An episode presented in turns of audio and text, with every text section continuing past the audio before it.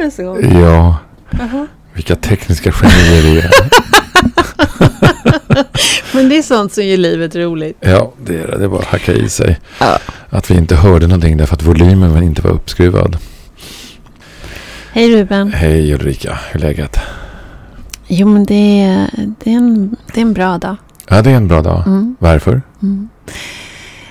Det är en bra dag för att jag eh, sov otroligt gott i natt. Ja, Och sen hann jag med en eh, promenad på morgonen. ja, Det är inte alltid jag gör det. Nej. Eller det borde jag göra. Men nu den här omväxlingen att gå från ledig till att jobba Ja. varje dag. jösses. Den eh, gör att jag eh, sover igen lite längre än tar den där promenaden på Ja. morgonen. Men skaffa en hund. Då Mm. måste du ut och promenera. Mm. Det måste vi. Mm. Ja, Hur är din dag? ja men den är, den är bra. Eh, jag har varit ute och promenerat med Sevi, Mm. the dog, Mm. hunden. Eh, och jag har också sovit gott i natt. Mm.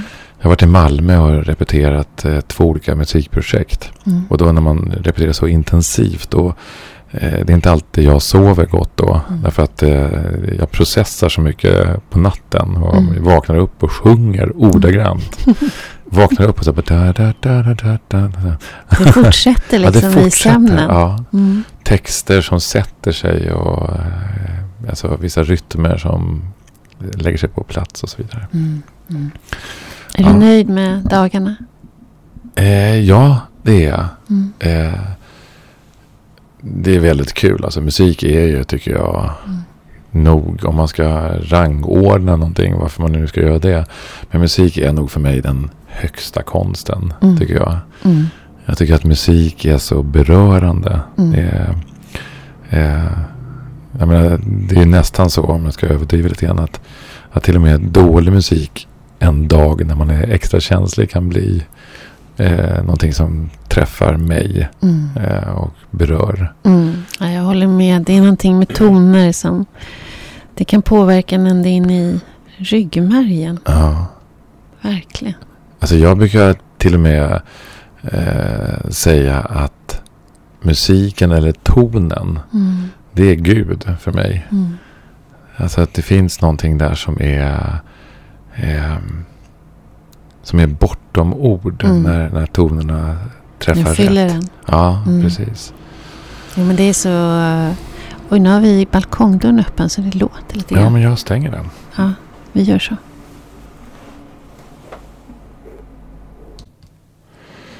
Japp, nu är balkongdörren stängd.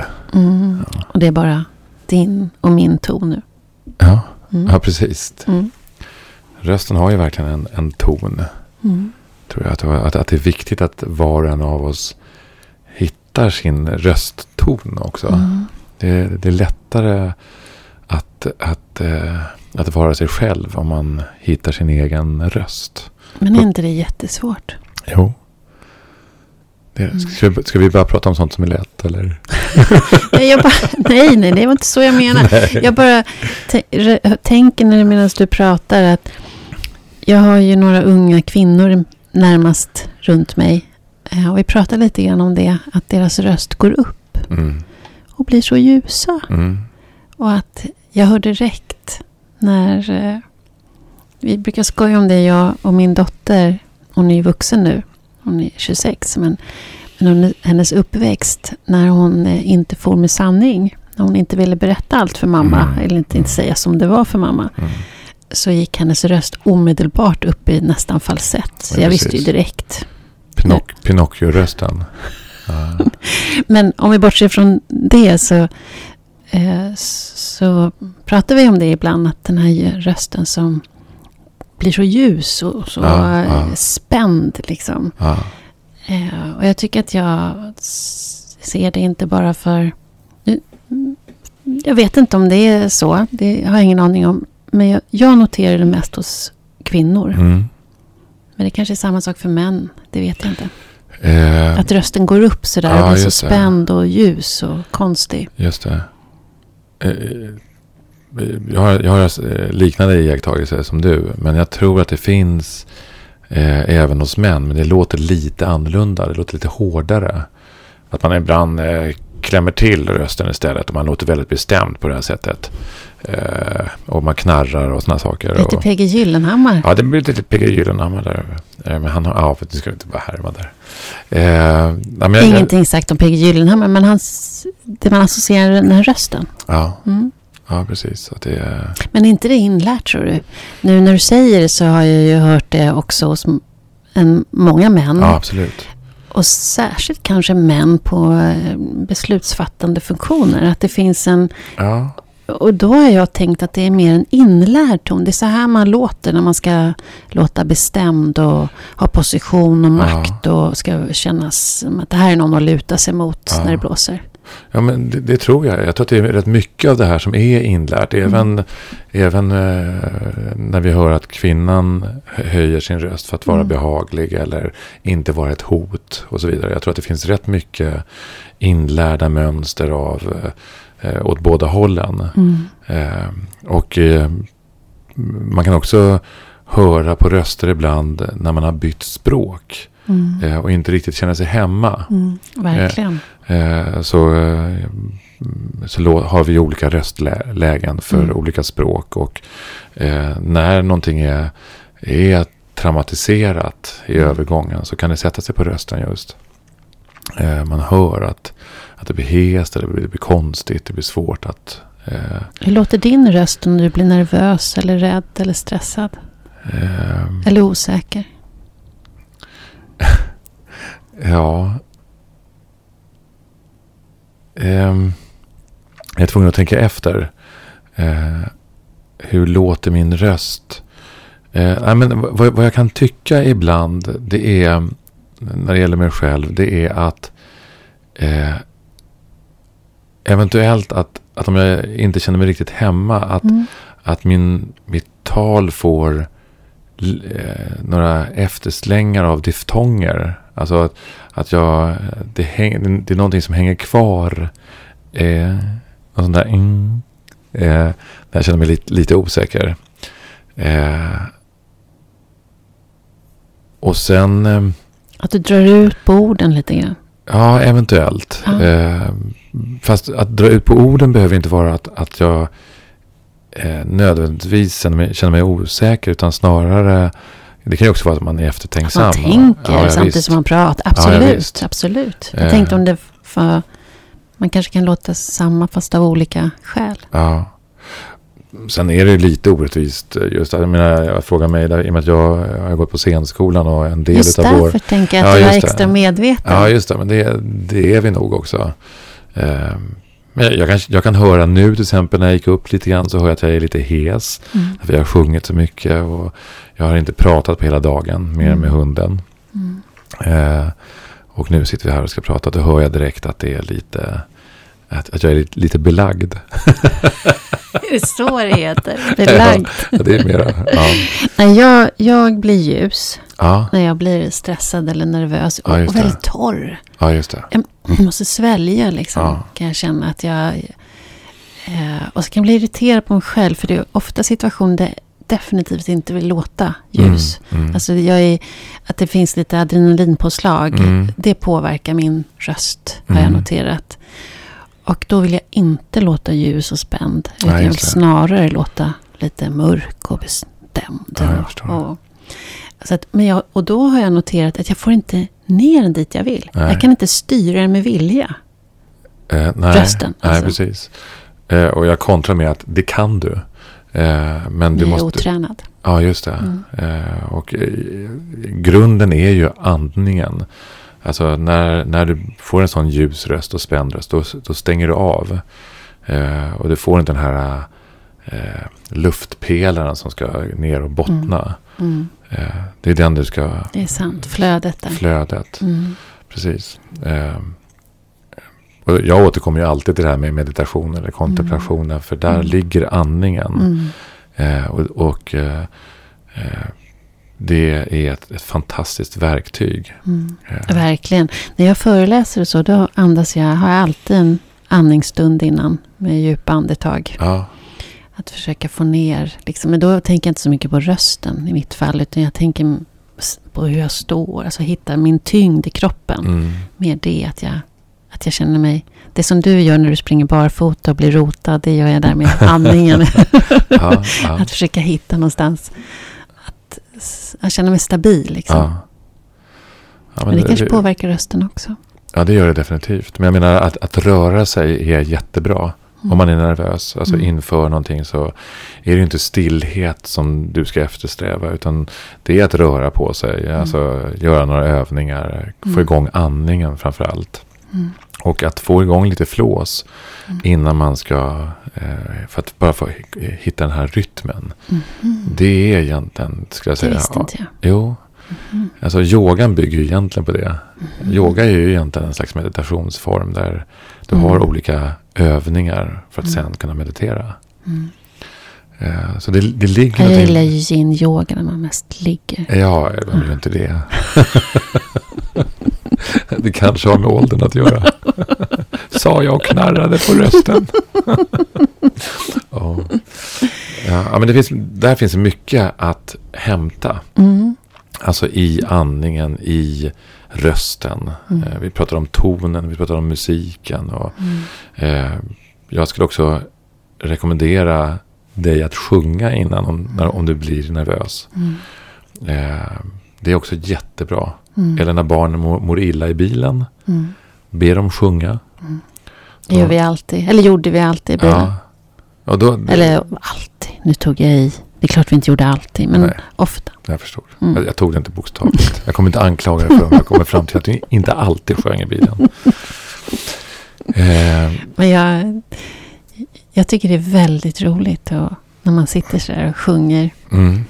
Jag gjorde det i somras några gånger. Tog ju fram en gitarr och så sjunger alla hejvilt. Nej, nu, Nej. nu var jag någon annanstans Ja. ute i på berget. Mm. Men, men eh, eh, det, är så, ja, jag tycker det är väldigt roligt. Man, Mm. Ingen kan texten och man hittar på lite och det Ja. låter så där. Ja. Och, men ändå sitta där tillsammans tycker jag är mysigt. Det är underbart. Mm. Det är underbart. Mm. Du, jag har en, en liten spaning som jag tänkte så här lite grann på. Eh, Mm. Som också kan binda samman, tänker jag nog, kanske med den gäst som vi ska ha idag. Mm. Eh, och eh, det- just att böcker kan ha en rytm, eh, någon, en, en ton Mm. som går rakt in i mig. Och eh, en av mina nya favoritförfattare sedan några år tillbaka, eh, det är Karin Smirnoff. Mm. Som eh, skrev den här trilogin. Eh, eh, jag får ner till bror, jag får upp eh, med mor. Och sen får jag hem. Eh, som är, den är fantastisk tycker jag.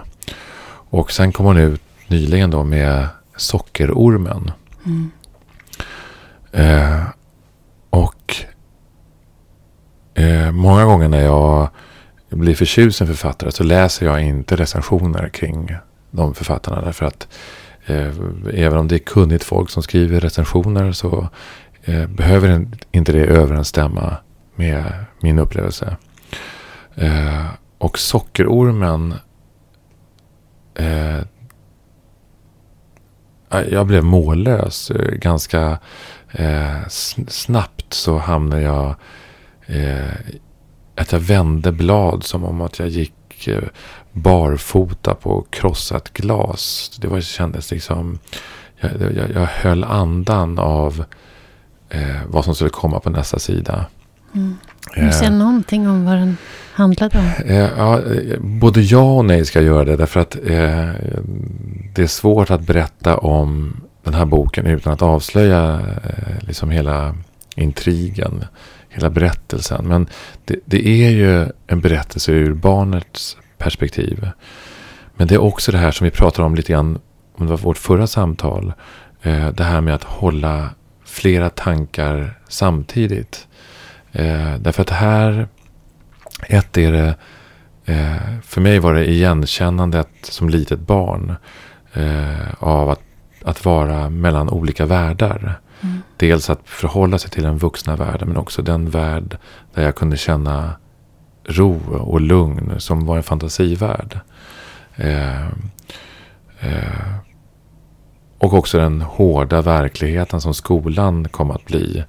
Eh, som var ofta, upplevde jag, ganska okänslig. Eh, och eh, jag tycker att Karin Smirnoff i den här boken beskriver eh, hela, hela vårt samhälle på gott och ont eh, utan, att, utan någon slags dömande i den här boken. Eh, även de som man helst skulle vilja slänga in i en cell och kasta bort nyckeln. Så beskriver hon dem på ett sätt som... Eh, eh,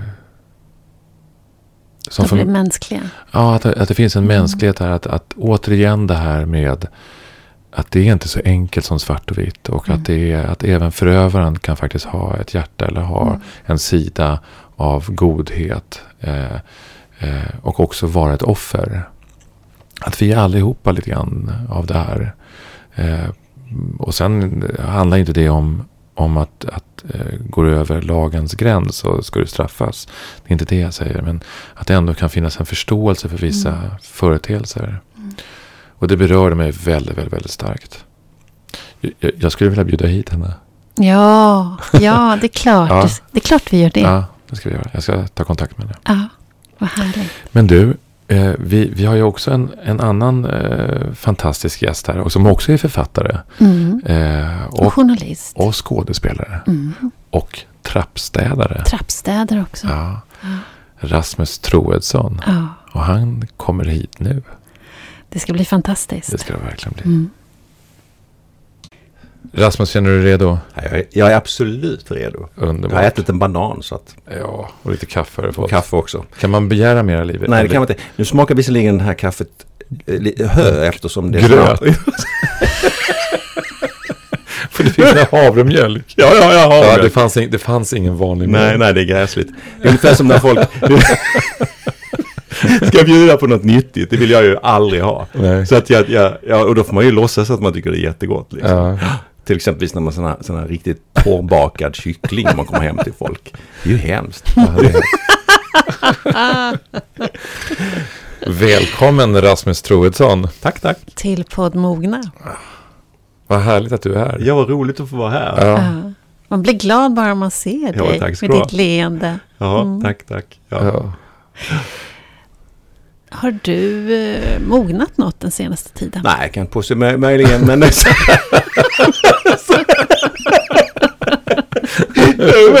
men, eh, jo, men jag har nog mognat. I någon mening har jag gjort det.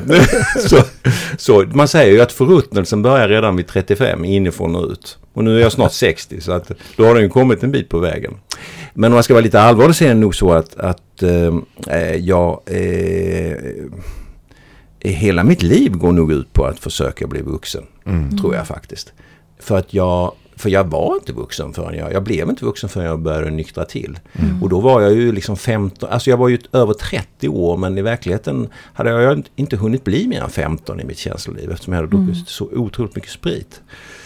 Uh, men uh, uh, så att så det har jag ju då försökt hinna ifatt liksom sådär.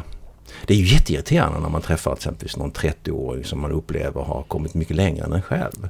Mm. Men då tänker jag så här, men jag kan ju i alla fall mycket mer än vad du kan. ja. Men eh, tycker du att, att vara vuxen och att mogna, är det samma sak eh, för dig? Jag, jag tycker egentligen, om jag ska vara lite allvarlig igen, jag är allvarlig två gånger, det är inte så bra om man börjar så. Men så, så, om jag nu, så är det så här, jag tycker egentligen att det är min mänskliga skyldighet att på något sätt eh, bygga en bro i världens längsta halvmeter, alltså den mellan hjärta och hjärna. Om jag inte liksom lyckas med det eh, så blir jag ju aldrig någon vettig och pålitlig person. Och, och, eh, och det för mig är ju att vara vuxen, att vara en pålitlig person. Mm. Ja, det är faktiskt vad det är. Och det där är ju jättesvårt att vara. Mm. Eftersom vi sviker ju varandra hela tiden och oss själva hela mm. tiden. Så att det är inte, det, man, man kan ju inte moralisera över det. För det blir ju helt tokfel. Ja. Men jag kan, jag kan gråta över det. För jag tycker att det är jättetråkigt att jättetråkigt att upptäcka sådär. Jag menar, jag är 57 år och, och, och, och jag tror att jag har kommit fram till att de flesta jag känner är djupt opålitliga. Men jag älskar dem ändå. Jag älskar dem och, och, och då inkluderar jag mig djupt, själv. Djupt opålitliga. Ja, vi båda reagerar här. Ja. Mm. Ja, jag tror det. Men då inkluderar jag mig själv. Alltså, med det menar jag, låt mig ta ett exempel. Mm. Jag måste kolla var min plånbok är någonstans. nej men så här, jag tänker, jag, nej men eh, så här. Alltså jag, jag kan inte låta bli att notera att eh, de mest oärliga människor jag har träffat i hela mitt liv. Det är människor som påstår att de är väldigt ärliga. Mm. Och varför säger jag det? Därför att så här. Eh, hela vårt samhälle bygger på att man i, i viss grad och i viss mån och vid vissa tillfällen förminskar andra för att bli större själv. Och, eh, och, och, det är så du söker jobb till exempel. Mm. eh, inte så att du ska prata skit om någon men du vill framställa dig själv i den absolut bästa dagen. Så här. Och, och det där leder ju till att, att vi, vi, vi uppmuntras ju inte till att se våra svagheter liksom i, i, i dagsljuset. Så jag, jag, tänker så här, om du jag exempelvis nu, jag tar, låt mig ta ett exempel. Mm. Jag tycker att du Ruben eh, borde, eh, jag säger till dig att jag tycker att du ska ändra på det här och det här. Mm. Det jag säger är sant.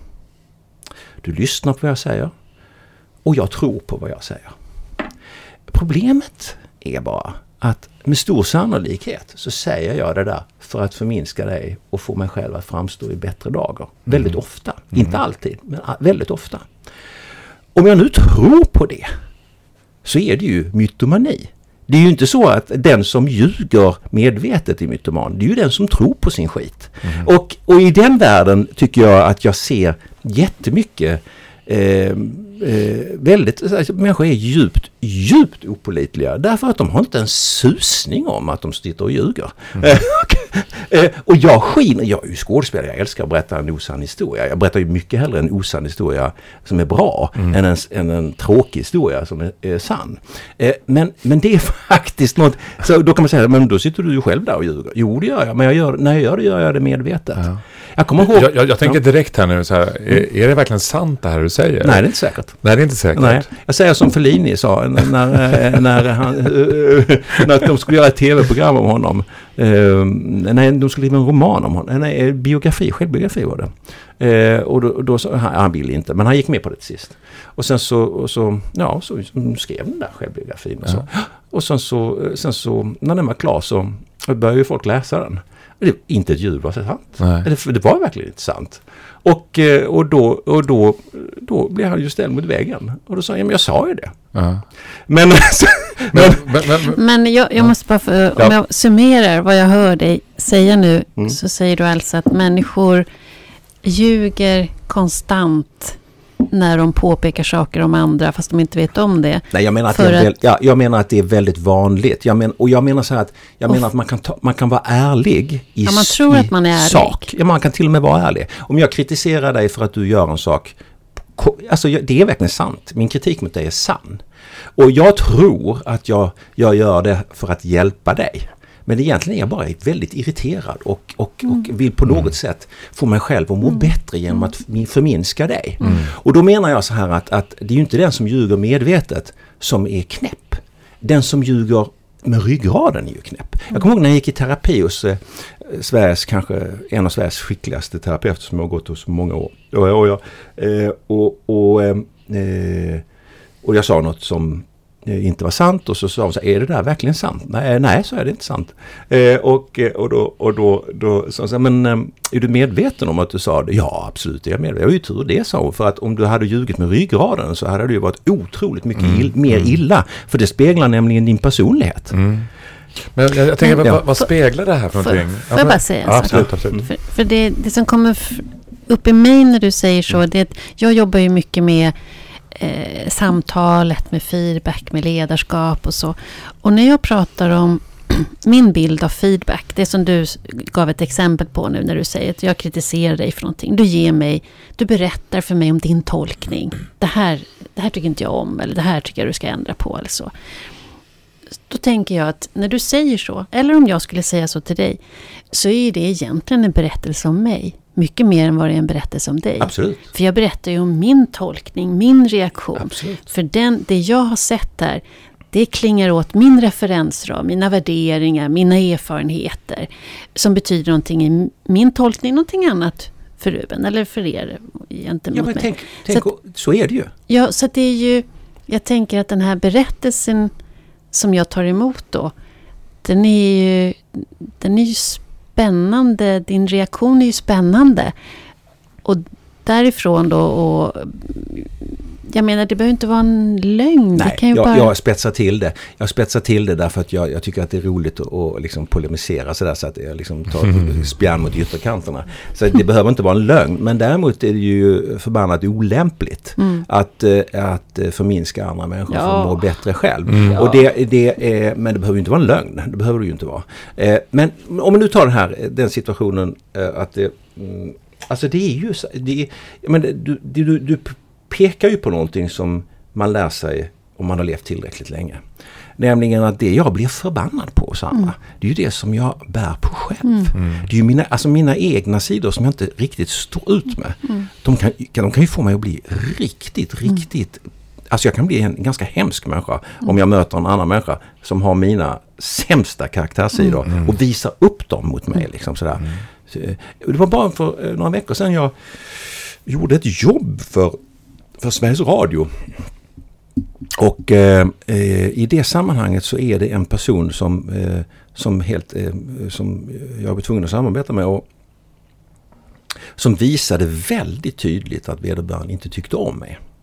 Och skämdes inte för det heller. Och det störde mig. För jag tyckte att det var onödigt. Och inte, alltså, jag tyckte det var onödigt. För jag skulle, jag, därför jag själv skulle inte visat det. På det. Jag skulle skämt som jag gjorde det. Men det vi gjorde... Men, och, jag, och jag blev, tänkte, vad är det för någonting som gör att... För det var, väldigt, det var en obehaglig upplevelse. Mm. Och jag... jag eh, men sen slog det mig. Jo men så här är det ju. Jag känner ju igen mig i den personen väldigt mycket. Skillnaden mellan mig och den personen är att jag vet när jag blir förbannad på någon för att de påminner om mig själv. Mm. Det visste inte den här personen. Lite för ung tror jag. Eh, för att annars hade vederbörande betett sig på ett annat sätt. Mm. Eh, men den, den, eh, så är det ju. Vi blir ju djupt kränkta av att någon påminner för mycket om oss själva. Eh, och eh, ja, Alltså, jag, säger, eh, jag till och tänker här att jag känner inte riktigt igen mig i det här. Eh, jag upplever inte att folk försöker, när de försöker ge mig konstruktiv kritik, att de försöker sätta sig på mig. Nej, det heller. oftast inte. Eh, det händer mellan varven, det vet vi ju alla. Eh, eh, och sen kan jag tänka så här också, att det är i många situationer där jag upplever att någon, där jag, där jag tror att nej, Rasmus gillar inte mig. Antingen så är det så att jag konkret helt enkelt måste handlingskraftigt säga, fråga hur ligger det till Rasmus? Är det så att du gillar inte du mig? För jag, jag känner att det är någonting här som inte funkar. Eller så får jag gå till mig själv eh, och, och fråga så här, är, är jag självupptagen nu? Är, är det så att jag går omkring och tror att, att, att människor har massor med åsikter om mig? Fast det kanske är så att den personen faktiskt kommer från en hemmamiljö som kanske är jätteknepig. Han kanske har problem med sin partner eller med sina barn eller någonting har hänt på vägen till skolan eller till, till jobbet där vi träffas. Och eh, jag tolkar in det därför att jag är en, i perioder en överkänslig person. Kan det vara så också? Absolut. Och så är det nog. Jag tror att det är så. Eh, jag tror det är så för det mesta. Mm. Eh, alltså, alltså jag sa ju det där för att jag ville spetsa till situationen. Men, jag, men grejen är verkligen att, att eh, men så är det ju för det mesta. Att, jag menar, själv, jag menar jag, just jag är ju inte självupptagen så att jag har, det har jag ingen erfarenhet av. Men, Men alla andra. men alla andra. men, eh, nej men så är det ju. Alltså det, det är ju också ett sätt att, det är roligt att du säger det för att om vi, går, om vi knyter ihop det här med vad är det att bli vuxen? Mm. Då skulle jag säga, för då tar jag nästa steg här nu. Jo, jag vill påstå att de flesta, eh, vi lever i en kultur där folk faktiskt gör det nästan till omöjligt att bli vuxna eftersom vi förlägger vår känslighet utanför oss själva. Alltså, det är nästa, det är liksom motsatsen till det jag sa. Det vill säga, jag tar inte ansvar för att jag känner mig kränkt. Utan jag måste peka ut någon annan som ansvarig för att Som gör mig kränkt. som gör mig kränkt. Och eh, den kulturen är ju omöjlig. Alltså den är ju helt, det går ju inte att leva ett sånt liv. Men om, vi, om man då, om jag nu har rätt i båda iakttagelserna. Så, så tänker jag så här, vilket, vilken värld vi lever i. Alltså en väldig massa människor går runt och förminskar andra för att växa själv. Och den andra hälften, de, de vägrar ta ansvar för sina känslor och, eh, eh, och, och känner sig kränkta helt i onödan, mm. ständigt och jämt. Den världen är ju en ganska, det är en ganska intressant värld. Det kan bli en rolig film men det är inte så kul att leva i den i verkligheten. Sådär.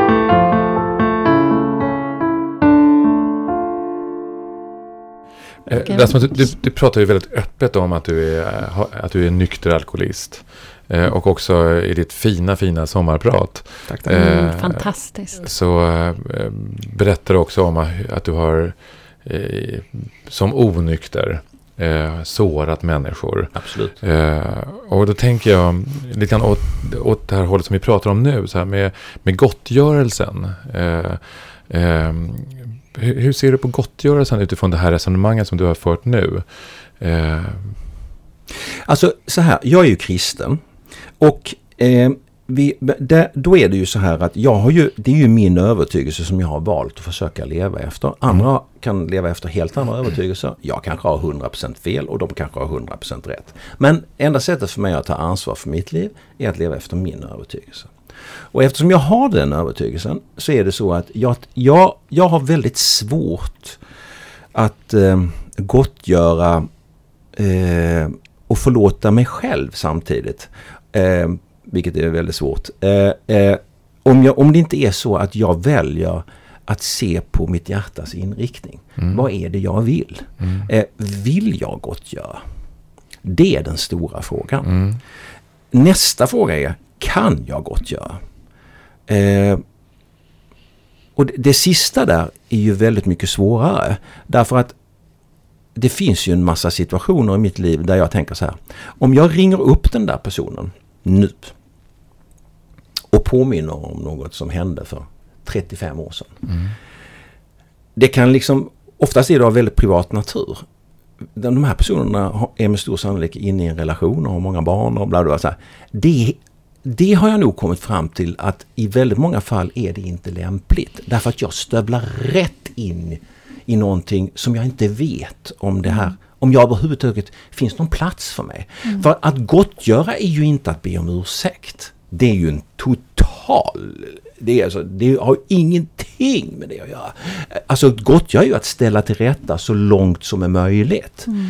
Att, att be om ursäkt, det är att be om ursäkt. Mm. Eh, och att be om ursäkt det är egentligen ett sätt att urskuldra sig. Eh, alltså att jag säger till dig, jag är ledsen. Jag är ledsen att jag har skadat dig. Förlåt mig. Det handlar ju om mig. Mm.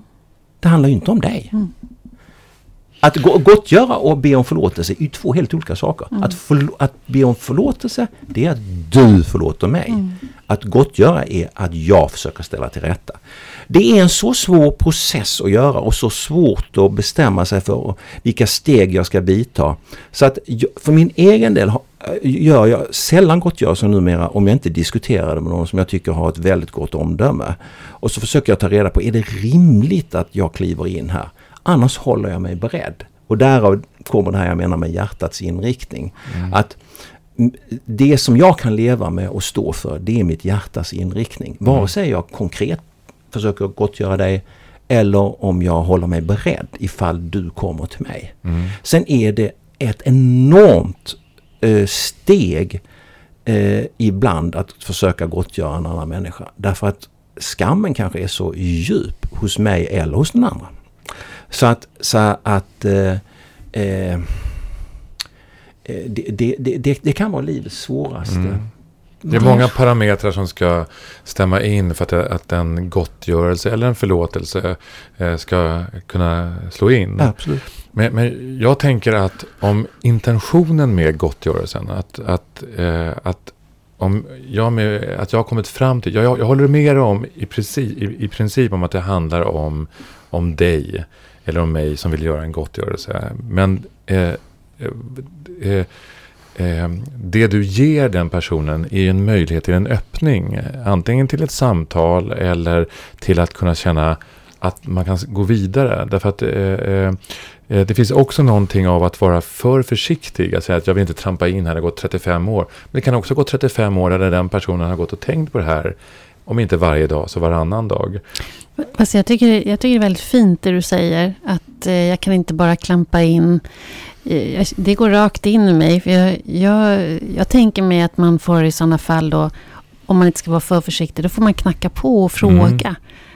Mm. Får jag ta första initiativet till Och det bästa är ju att börja prata med någon som inte är inblandad. Någon helt annan person. Mm. Och säga, är det här rimligt? Mm. För nu måste vi komma ihåg en sak med gottgörelse också. Och den frågan är ju ännu svårare. Det är ju så här med, med gottgörelse, som jag uppfattar det, att gottgörelse handlar ju om faktisk skuld, inte om skam, mm. utan om skuld. Mm. Och då är det så att då måste det vara ställt bortom allt rimligt tvivel att det har uppkommit en skuld. Fast vem bestämmer det då? Just det, mm. och vem bestämmer det? Och är jag själv helt övertygad om att det har uppkommit en, en skuld, då, och jag ser att jag, jag gör bedömningen och den jag talar med gör också bedömningen att det här bör jag försöka gottgöra. Då försöker jag. Men det finns en massa fall där jag faktiskt inte vet. Mm. Därför att jag vet heller inte om jag har skuld. Mm. Hur upplevde den här andra människan mitt beteende? Men, men, men du kan ju inte veta vad den, egentligen inte vad den andra människan upplevde, eh, som du säger själv. Men du kan veta vad du själv upplevde. Mm. Och vad du själv upplever. Och att det här är fortfarande någonting som du går och funderar på. Och jag tycker att, eh, att där har gottgörelsen sin plats. I sin, ja. ja, men jag, det håller jag med om. Men, men eh, det är inte samma sak som att jag ska rusa iväg och... Eh, låt mig ta ett exempel. Ja, när jag var alldeles nynykter så eh, skulle jag rusa iväg i en gottgörelse. Det var så att jag hade jobbat på en arbetsplats där eh, jag hade haft någon slags mellanchefsjobb. Och ehm, eh, jag, eh, det var på den tiden jag krökade och, jag, och, och, det var så att jag, jag, jag drack ju så mycket så att jag var tvungen att se till att jag hade eh, gäster i överflöd. Och det gick till på det här sättet att jag, jag varje kväll gick jag ut på krogen. Eh, och så beställde jag in till mig och min gäst eh, mat och två öl. Och en flaska vin och kanske en gin och tonic mm. till oss två. Det var bara det att den andra gästen kom aldrig. Mm. Så jag var tvungen att dricka både mitt och, och gästens. Molgans drinkar. ja. så att, så att mitt, mitt så kallade representationskonto det bestod ju bara av en massa imaginära människor. För ja. det var ju jag som drack allt. Jag åt ju sällan maten men jag drack ju. Så.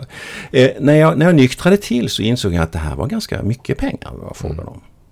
Eh, och, eh, och jag skämdes något gräsligt och tänkte så här. Jag har verkligen missbrukat förtroenden här. Och då tog jag kontakt med högsta chefen på det här stället. Som var politiskt tillsatt. Mm. För det var en sån situation.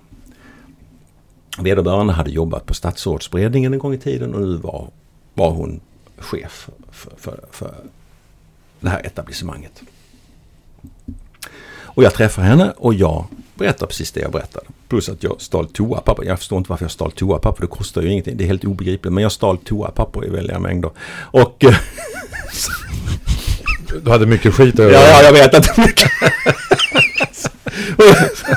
och, så, och så kom jag till henne och, eh, och, och bekände detta. Och eh, jag, jag, jag skämdes jättemycket. Och det var mycket pengar. Mm. Och, eh, och då började hon i princip gråta. Och eh, eller, ja, hon blev väldigt, väldigt ledsen. Mm. Och, eh, men inte för det jag trodde hon blev ledsen. Utan det var så att hon sa så här att jag, jag är så ledsen att du inte bad om hjälp när mm. du var här. Utan att du kommer nu. Eh, och så strök hon ett streck över den här situationen. Mm. Och så gick jag hem. Och jag kände mig så tillfreds med att jag hade berättat sanningen och så. Tills jag träffade min mentor. Som säger, men du är ju knäpp.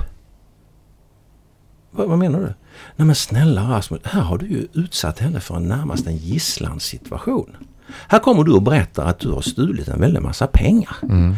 Hon är politiskt tillsatt. Hela hennes karriär går ju åt pipsvängen om inte hon polisanmäler dig. Men när du sitter där och erkänner och hon känner all denna enorma sympati för dig och vill hjälpa dig till ett bättre liv. Så bestämmer hon sig för, för att hon tänker inte polisanmäla mig. För hon, med, men vad du har gjort är ingen gottgörelse. Mm. Du utsatt henne för en enorm risk. Mm. Och, ge, och, och, och då blev jag riktigt ställd. Mm. Faktiskt. För då tänkte jag, det är sant. Det har jag verkligen gjort. Så det här med gottgörelse är inte så himla lätt.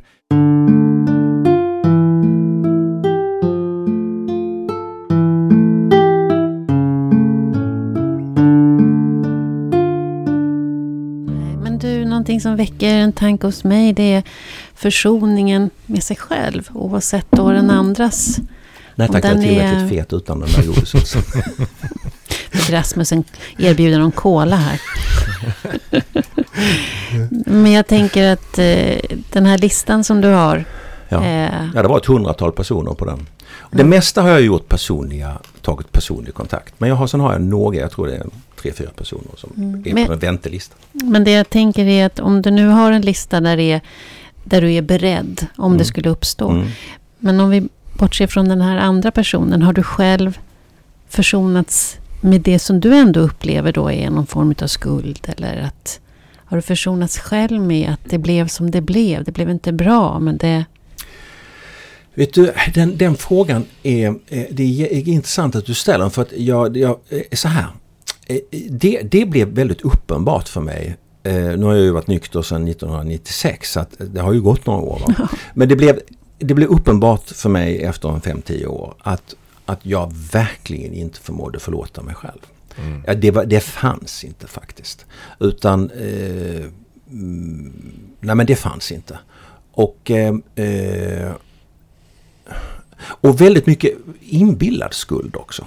Som jag inser att, att för jag är neurotiker.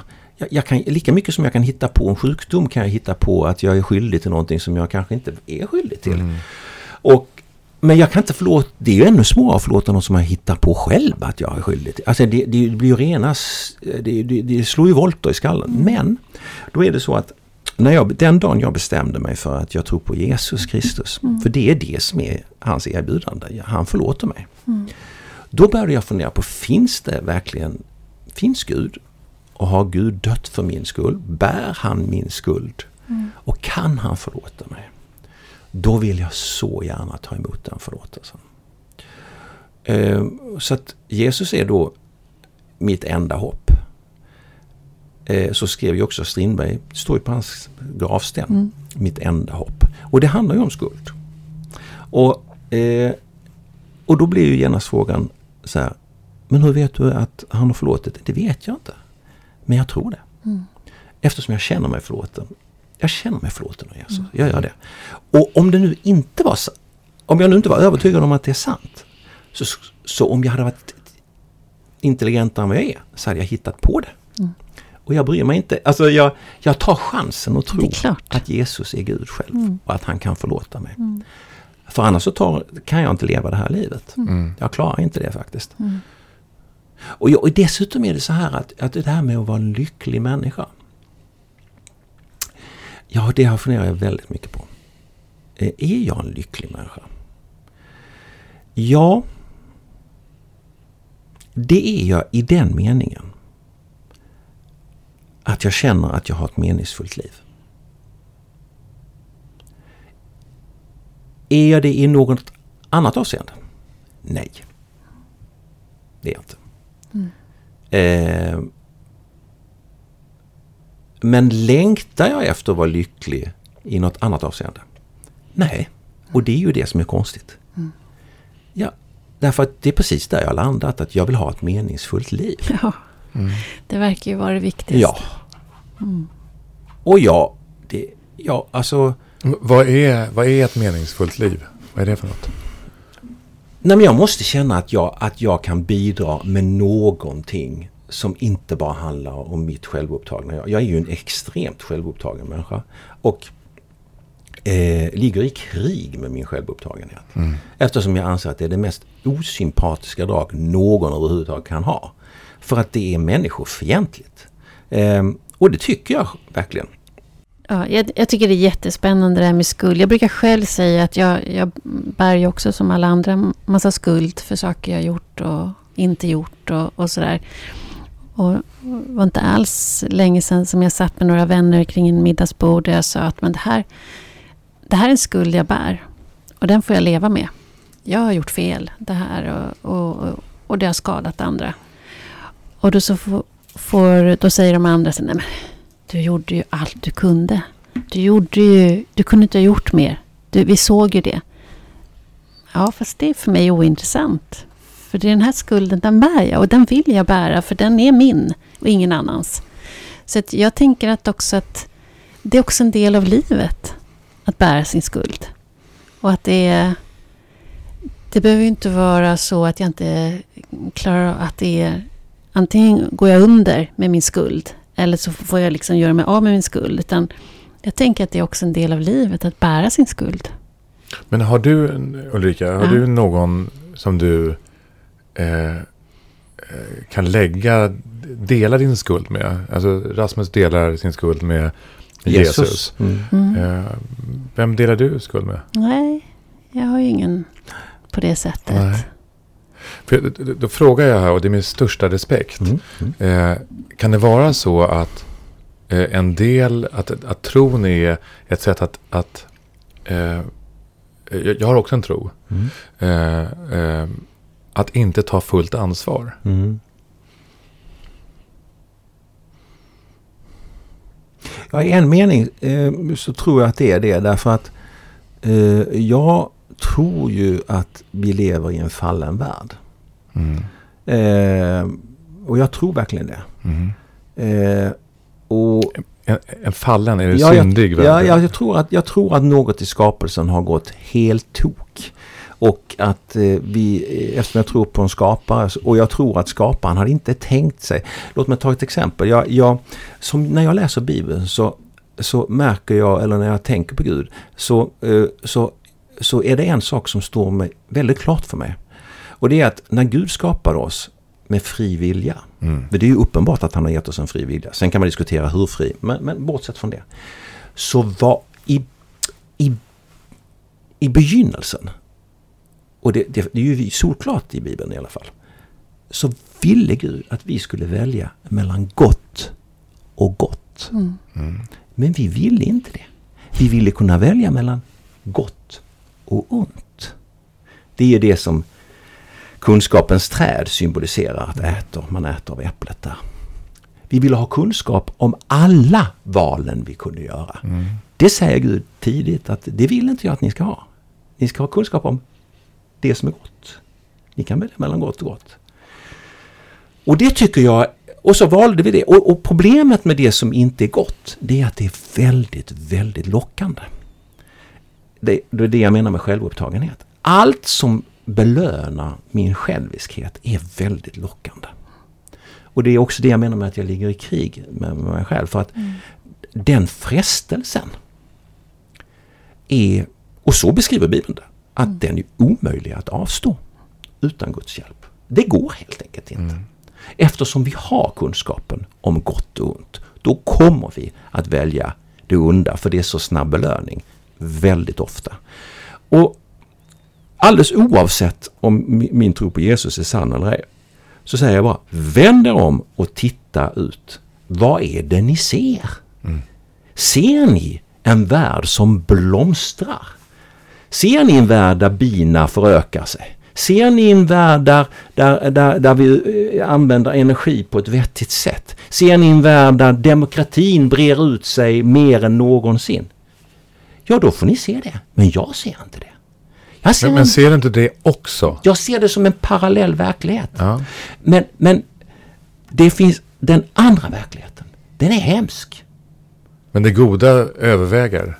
Eh, vet du, jag säger emot dig. Mm. Jag, jag Jag säger säger verkligen emot dig. tvärtom. Jag, jag tror Ja. att det är precis tvärtom. Ja. Vi, vi, alltså, jag, alltså, jag tror verkligen att vi är på väg mot ett stup. Men, men, Jag alltså, tror jag, jag tror att det är en matematisk omöjlighet att det onda överväger det goda. För hade det, hade det, hade det onda eh, varit starkare än det goda, då hade vi inte suttit här idag.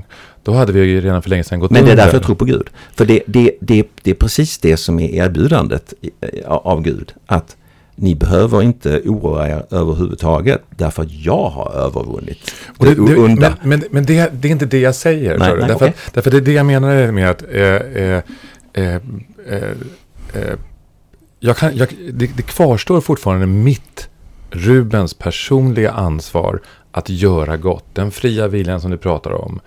Eh, och vi pratar om att, att hålla upp en dörr, att hjälpa någon annan över gatan, att eh, bjuda på en banan, varsågod du får en banan av mig där. Eh, och så vidare för att få saker och ting. De sakerna väger mera än det ondsk, ondskan vi ser i Afghanistan idag eller i Polen mot eh, och så vidare. Alltså att jag, jag, jag, tror verkligen starkt att det är så. De och små goda handlingarna menar du? Väger mera än det här som vi matas mm. med hela tiden. Men... med, enfört, för annars skulle, inte, annars skulle inte vi eh, orka leva kvar här. Det skulle inte funka, tänker jag. Eh, men däremot så tänker jag att det in, jag, kan inte, eh, jag kan inte lägga mitt ansvar i min tro. Eh, det, den ligger på, det, det, det, är en, eh, det är en andlig, för mig, en andlig eh, kommunikation. Men det som är det, den materiella tillvaron, alltså det som har, jag har i, varje dag i livet, det är att jag måste agera utifrån det ansvar jag har som medmänniska. Och, och där måste jag göra gott. Men jag håller med dig. Det finns ingenting, alltså jag, jag håller med om det. Men däremot så ser jag, ehm, eh, jag tror inte det här kommer sluta väl. Jag tror däremot att vi kommer jag, jag, tror att vi kommer att ta hand om varandra. Det kommer finnas massor med goda exempel. Massor med kärlek, massor med eh, fantastisk... Var och en av oss ska ha, en, ha massor med underbara upplevelser och relationer framför oss och allt vad det nu är. Men, eh, men jag, eh, jag tror inte det kommer att sluta väl. Mm. Jag, jag, tror verkligen inte det. Jag, det, det eh, men då hör du ju till saken att var det Tage Danielsson som, som sa att det är en moralisk skyldighet att tro på det bästa. Mm. Var det inte han som sa det? det, var, alltså, det var, Eller så var det Ruben Salmander. Eller så var det Ruben Salmander. ja, så här, jo, nej, men jag, så att det är ju ändå så här, när jag, när jag väl har sagt det så tänker jag att men jag är ändå måste, jag är ju faktiskt moraliskt skyldig att göra mitt allra bästa och ändå leva eh, som att vi kan göra skillnad eh, och, och, att det här slutar väldigt, mm. väldigt bra. Mm. Eh, ja, så tänker jag. Det, det, måste, så måste jag nog leva mm. även om jag inte tror att det kommer sluta väldigt bra. Mm. För det tror jag inte.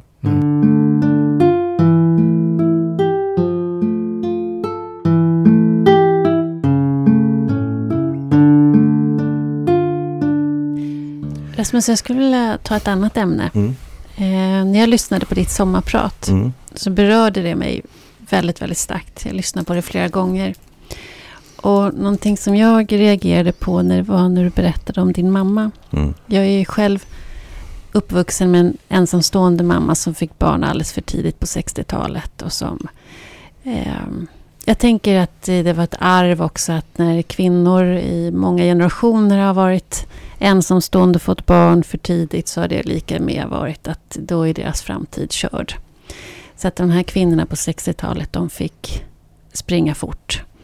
Och eh, vi är ju några stycken då som, som eh, inte riktigt fick med oss den där mamman som man hade behövt som barn.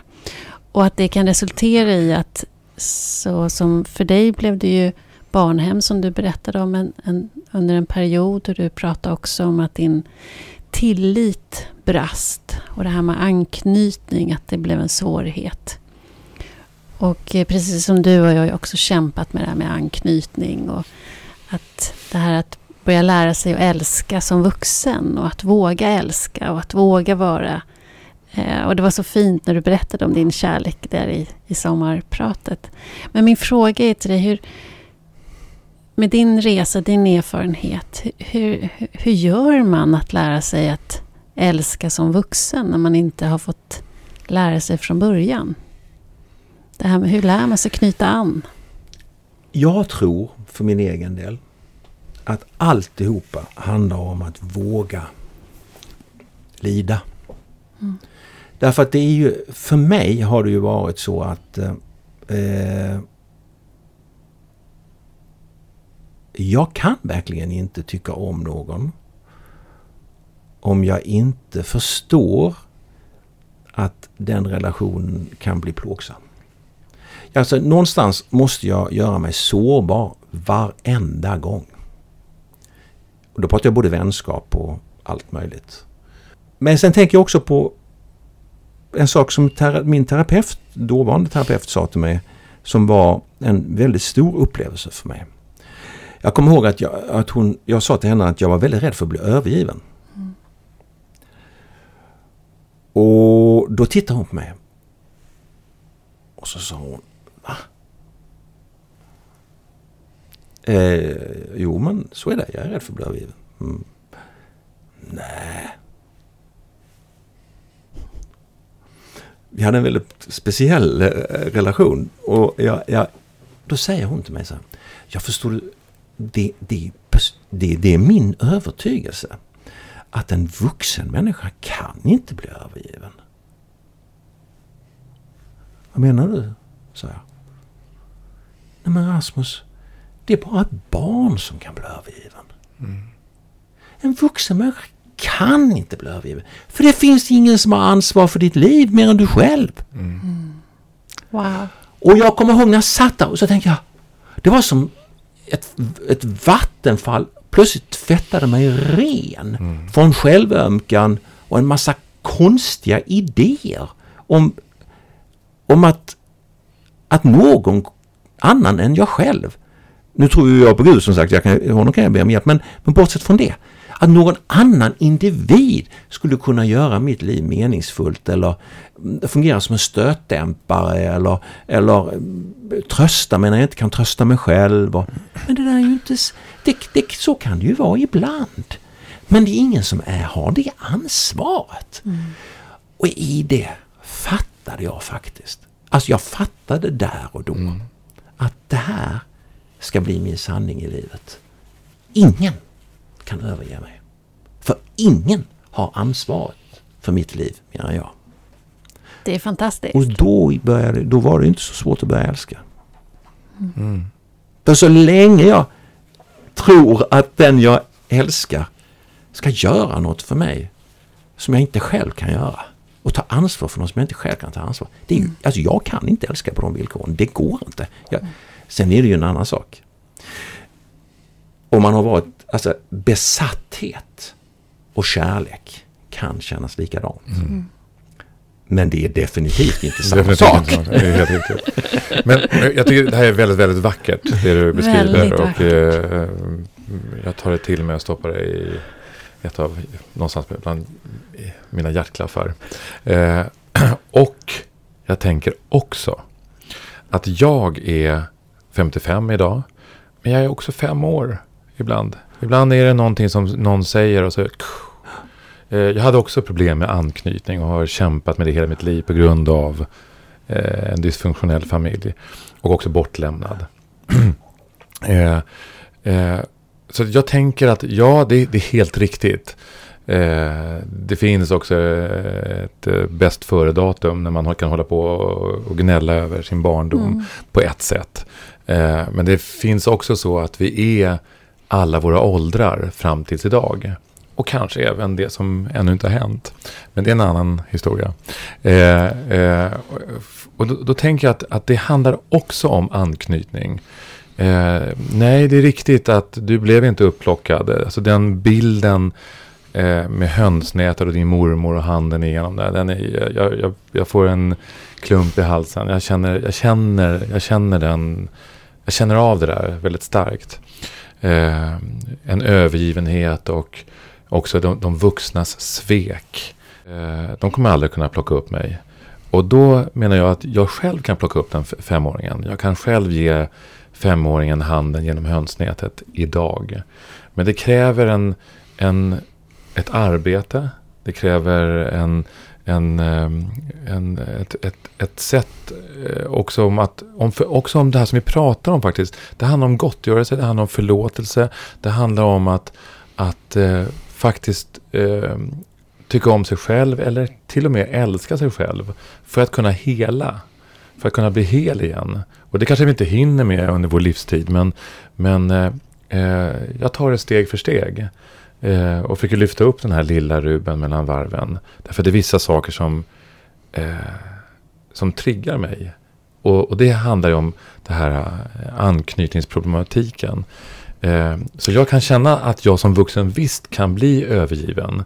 Och vi vet alla, i en kärleksrelation så kan vi bli övergivna eh, när det inte funkar och det kan vara hemskt.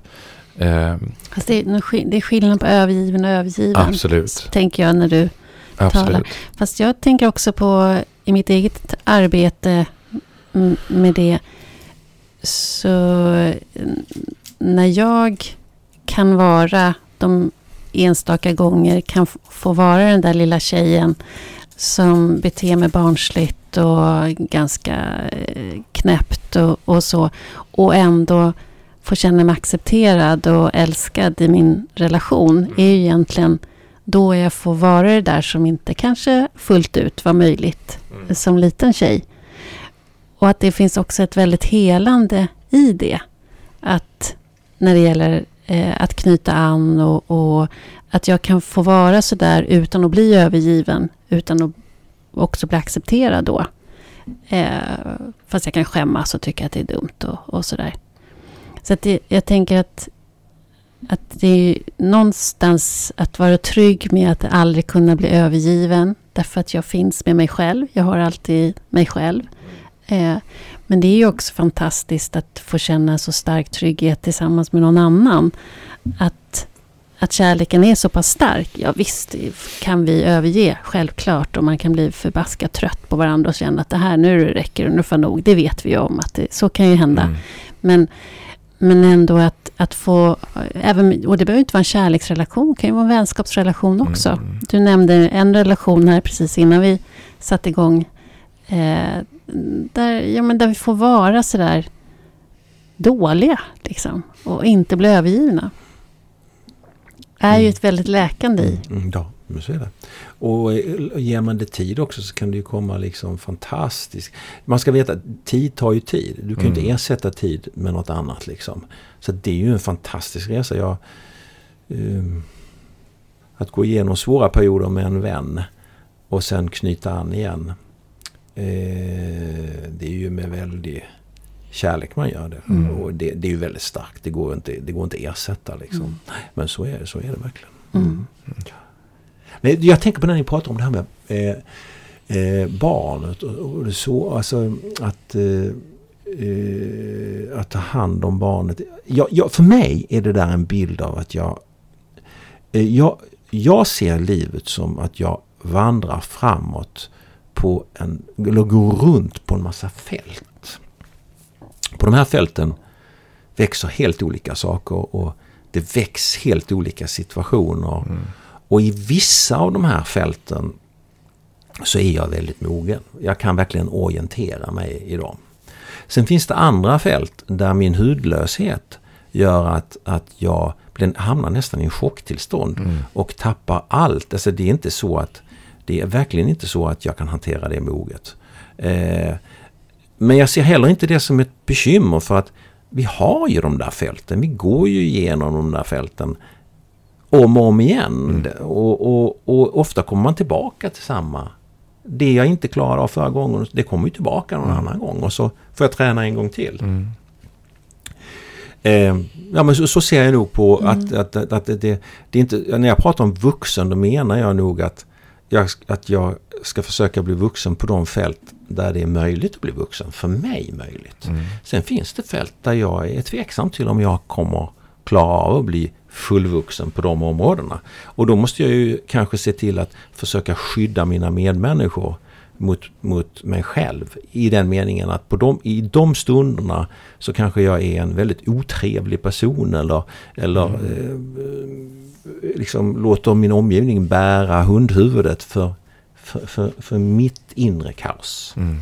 Eh, och då Va, va, jag tänker, vad, vad är det i det här, om du kan formulera det på det här sättet, vad är det ändå då som gör att du kan släppa lös det här kaoset? Vad är det som gör att du inte kan stoppa det?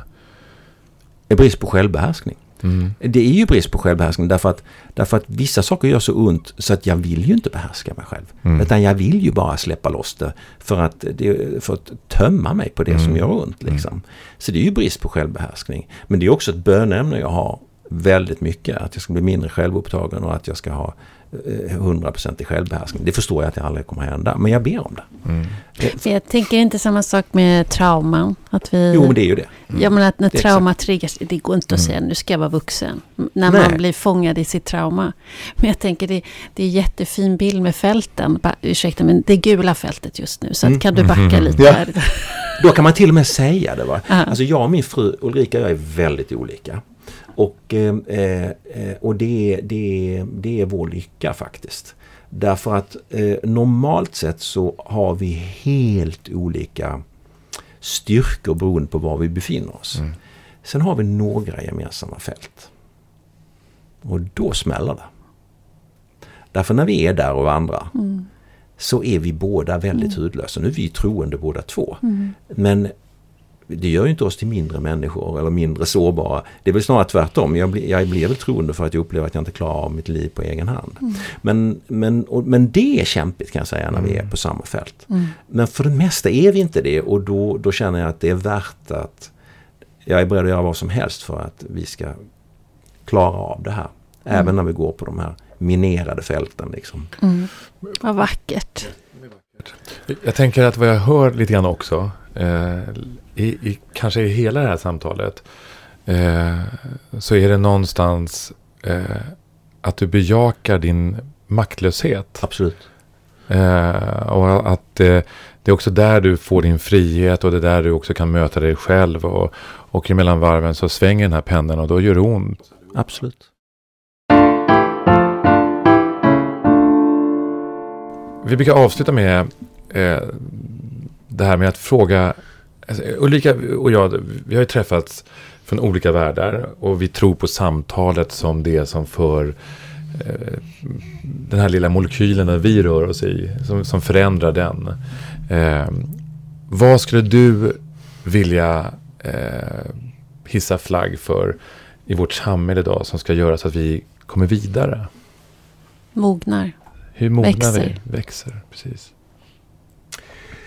Vet du, det är märkligt för det, just den frågan gick jag nog och funderade på fast jag kanske inte var riktigt medveten om det på vägen hit.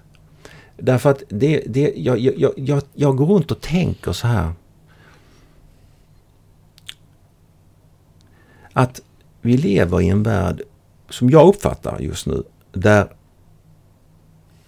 ehm, och det, det här gäller faktiskt framförallt min upplevelse av Stockholm eftersom jag bor både i Stockholm och utanför Stockholm. Mm, Och är mycket i Danmark och, och jämför med det. Liksom, min pappa bor där och så. Eh, jag tycker att det är helt avgörande att vi lär oss integritet. Och Stockholms integritet är inte integritet. För Stockholms integritet, det är att jag gör mig lite svår och lite oåtkomlig. Mm. Eh, eh, det är ju, det, alltså det är ju så, det är ju så det, för mig är det en ganska, för det är det som är det är för att man inte ska kunna identifiera varandra. Du ska inte kunna ringa in mig, du ska inte kunna ställa mig till ansvar och, och, och jag, dessutom vill jag inte träffa dig i ögonhöjd utan jag vill helst vara lite ovanför. Så här. Eh, och man, det, det upplever jag i Stockholms integritet. Man skaffar sig en bättre position, ett S i rockärmen. Jag kan titta på dig lite uppifrån och ner. För jag är, och du vet inte så mycket om mig. Jag har ett S i rockärmen. Men så fort jag åker till Köpenhamn, träffar mina kollegor där, så är det helt annorlunda. Eh, där är det ju verkligen så att integritet, det är att våga stå för min uppfattning även när du avskyr min uppfattning. Det är integritet. Ingenting annat. Civilkurage. Det är integritet. Och jag känner så här att jag, jag tycker att det är jättejobbigt och, och är på mig. Det, jag tycker att det är jättejobbigt om och om igen höra kollektiven definiera individens ramar. Jag tror inte på det. Jag tror inte på att vi alla ska förenas i en, i en gemensam åsikt eller övertygelse eller tro eller så. Jag tycker att det är skit. Eh, eh, jag vill att du har din övertygelse. Och det gäller allt, så länge du inte medvetet skadar någon annan. Jag vill inte ha din övertygelse, men jag låter mig gärna påverkas. Om jag gillar din övertygelse, då gör jag den till min. men jag älskar det sättet att leva. Att tolerans är inte att tycka lika, Utan det är att acceptera varandra när vi tycker helt olika. Så här. Jag, kom, jag glömmer glöm inte när jag träffade en kompis som, som eh, då sa jag till honom så att jag, jag, jag, mm, mm, jag, jag tycker det är väldigt obehagligt att, att känna att någon föraktar mig. Och då sa han till mig så här. Ah, det spelar ingen roll vad du gör. Det är alltid, alltid, det finns alltid någon som föraktar dig. Mm. Fine, underbart. Då behöver jag inte göra mig till. tack Rasmus. tack Rasmus för att du kom till podd Mogna. Tack, tack. Tack för att jag fick komma. Tack, tack. tack.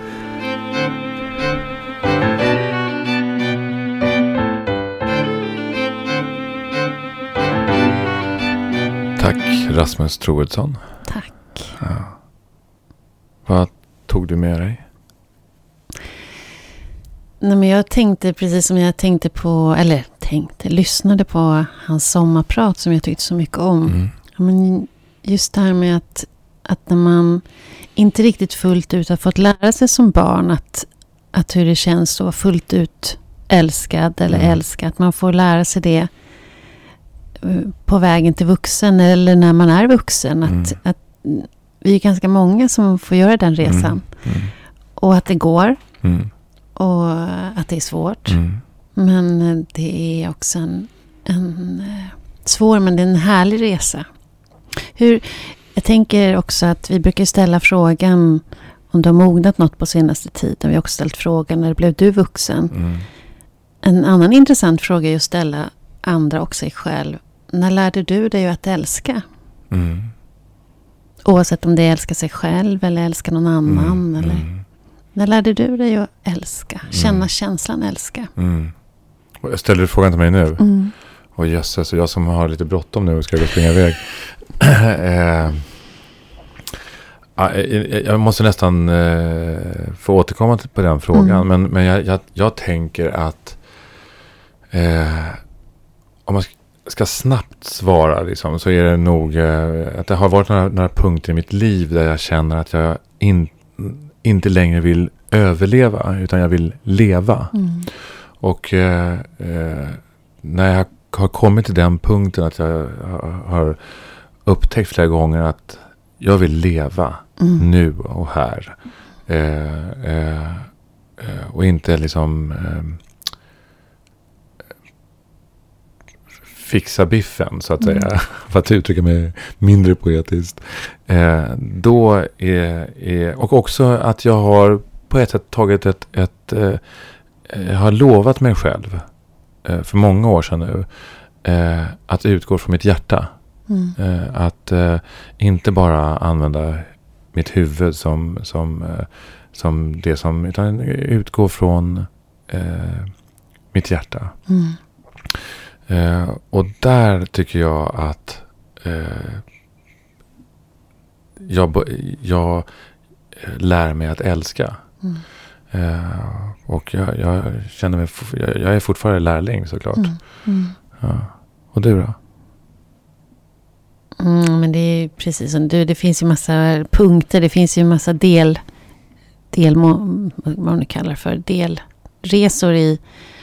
Men, men det första som kommer till mig det är ju att eh, när det kommer till mig att, att lägga rädslor och, och skuld eller andra känslor åt sidan och att bara få vara där. Mm. Att känna det jag känner att det har ju varit sådana här ingivelse eller stunder eh, av stark, stark känsla, stark, stark kärlek. Mm. För det finns så mycket raster som kan stå i vägen med, mm. med rädslor och status. Alltså att mm. man... Eh, att man är... Eller status var fel ord, men vad jag menar är att det är att, att eh, att man inte vill förlora sig själv, att man inte vill tappa bort sig själv. Mm. Med det, den känslan. Eh, och att... Eh, för, i, det finns ju baksidor av, av att känna kärlek. Det finns ju också mm, sidospår mm. där man blir nästan uppäten eller ens gränser suddas ut, där man blir Mm. förföljsam. Eller, så det finns ju massa sidospår i att älska. Och det är Mm. väl när, den, när jag kunnat sätta de rädslorna åt sidan, Mm. det har ju varit en... Ja, att bara få vara i känslan, den är ju fantastisk, men den är ju svår att... Mm.